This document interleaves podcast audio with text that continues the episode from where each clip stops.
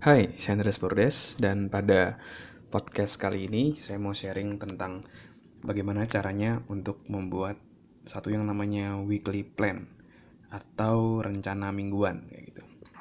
Kenapa kok membuat weekly plan ini penting? Karena ini sesuatu yang membuat kita semua bisa tetap untuk konsisten untuk mengarah ke tujuan kita kayak gitu. Kita bukan jadi orang yang reaktif, tapi jadi orang yang proaktif jadi sebelum kita menjalani minggu selanjutnya, kita udah desain dulu kira-kira apa aja yang mau kita lakukan yang mengarah ke tujuan kita. Kita masukkan, kita blok di waktu-waktu tertentu. Jadi sehingga ketika kita menjalani minggu berikutnya, yang kita lakukan itu sudah tertata, itu menuju untuk mencapai tujuan kita atau kegiatan-kegiatan yang paling penting untuk kita. Caranya gimana untuk bisa membuat weekly plan? Nah, langkah pertama adalah kita harus satu yang namanya capture all. Jadi kita tuliskan dulu semua tugas-tugas yang mau kita selesaikan, lalu eh, kira-kira goal apa aja yang mau kita capai, apa yang harus kita lakukan. Nah, itu silakan di brainstorm, itu ditulis semua di kertas, apa aja yang mau dicapai, apa aja yang mau dilakukan, itu ditulis semua dulu ketika kita sudah menuangkan semua pemikiran kita apa yang mau kita lakukan di kertas lalu kita masuk ke langkah yang kedua yaitu kita mulai untuk memprioritaskan kira-kira apa aja yang paling penting yang kira-kira paling berdampak besar berdampak besar positif dalam kehidupan kita. Nah itu kita tandain jadi kita prioritaskan. Karena tentunya dengan membuat weekly plan seperti ini tujuannya adalah agar kita bisa uh, melakukan aktivitas ataupun melakukan kegiatan itu yang paling penting, yang paling berdampak pada kehidupan kita. Nah, itu makanya kita membutuhkan weekly plan untuk memastikan yang kita lakukan itu adalah hal-hal yang paling penting.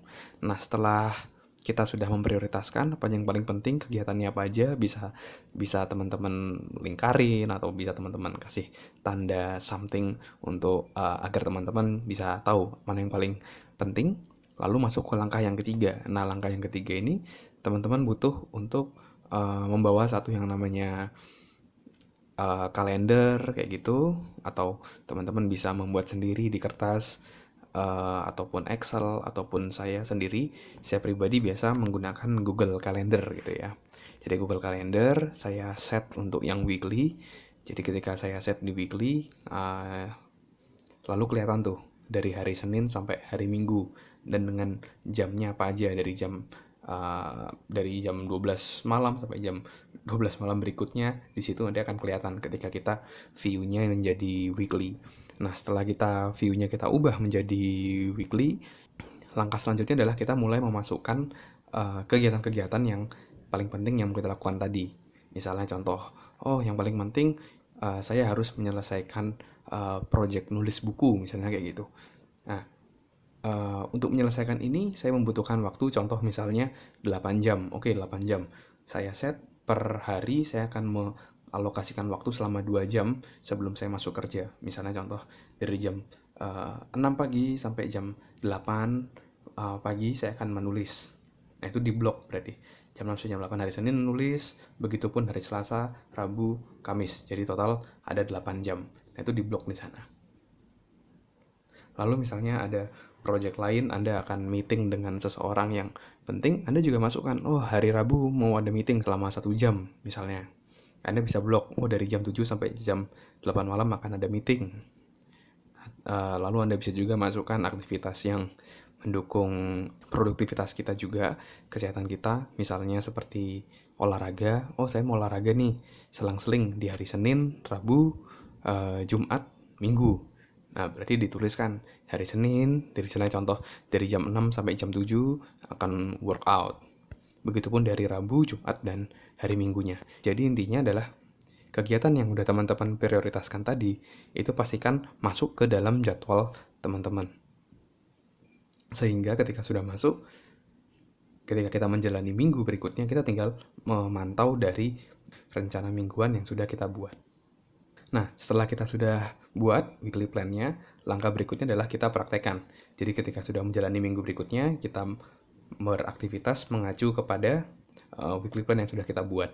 Dengan seperti itu, kita memastikan bahwa kita mengerjakan hal-hal yang paling penting karena sebelumnya kita udah rencanakan dulu dari hari Minggu sebelumnya bukan hanya menjalani hari aja dan menjadi orang yang reaktif.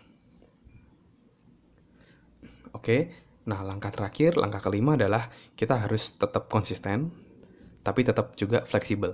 Maksudnya adalah kita tetap konsisten menjalani apa yang sudah kita rencanakan, tapi pasti ketika menjalani pasti ada suatu hal yang kadang tidak sesuai dengan apa yang sudah kita rencanakan. Tiba-tiba ada kejadian A atau B yang tidak kita duga kayak gitu. Makanya kita juga tetap perlu untuk fleksibel. Oke, kita tidak bisa menjalankan aktivitas A misalnya karena ada suatu kejadian atau hal urgent lainnya yang membutuhkan kita tidak bisa melakukan aktivitas yang kita rencanakan di uh, pada hari itu bisa nggak aktivitas itu kita ubah ke hari yang lain atau masuk ke yang lain atau mungkin digabungkan dengan kegiatan hal lainnya kira-kira bisa atau enggak nah itu itu juga diperlukan uh, fleksibilitas dari diri kita untuk bisa menjalani itu. Oke? Okay? jadi itu dia uh, tentang cara membuat weekly plan. Saran saya mumpung ini saya buat nih apa podcast ini hari minggu teman-teman bisa uh, membuat weekly plan teman-teman. Kira-kira seminggu itu mau mau ngapain aja coba teman-teman buat terus praktekan dan rasakan deh pasti teman-teman akan merasa jadi jauh lebih produktif dan kegiatan yang teman-teman kerjakan ketika teman-teman sudah merencanakan itu akan jadi jauh lebih baik. Karena kita merencanakan hal-hal yang paling penting dan kita sudah time block di uh, waktu-waktu uh, yang mau kita kerjakan di di minggu selanjutnya. Oke, terima kasih uh, teman-teman sudah mendengarkan podcast kali ini. Semoga podcast kali ini bermanfaat. Kalau teman-teman merasa bermanfaat, teman-teman bisa juga uh, screenshot uh, Spotify ini atau podcast ini. Lalu teman-teman bisa share juga di Instastory teman-teman sehingga makin banyak orang yang bisa dapat manfaat dan bisa jadi jauh lebih produktif dalam hidupnya. Oke, saya Andres Fordes. Semoga bermanfaat.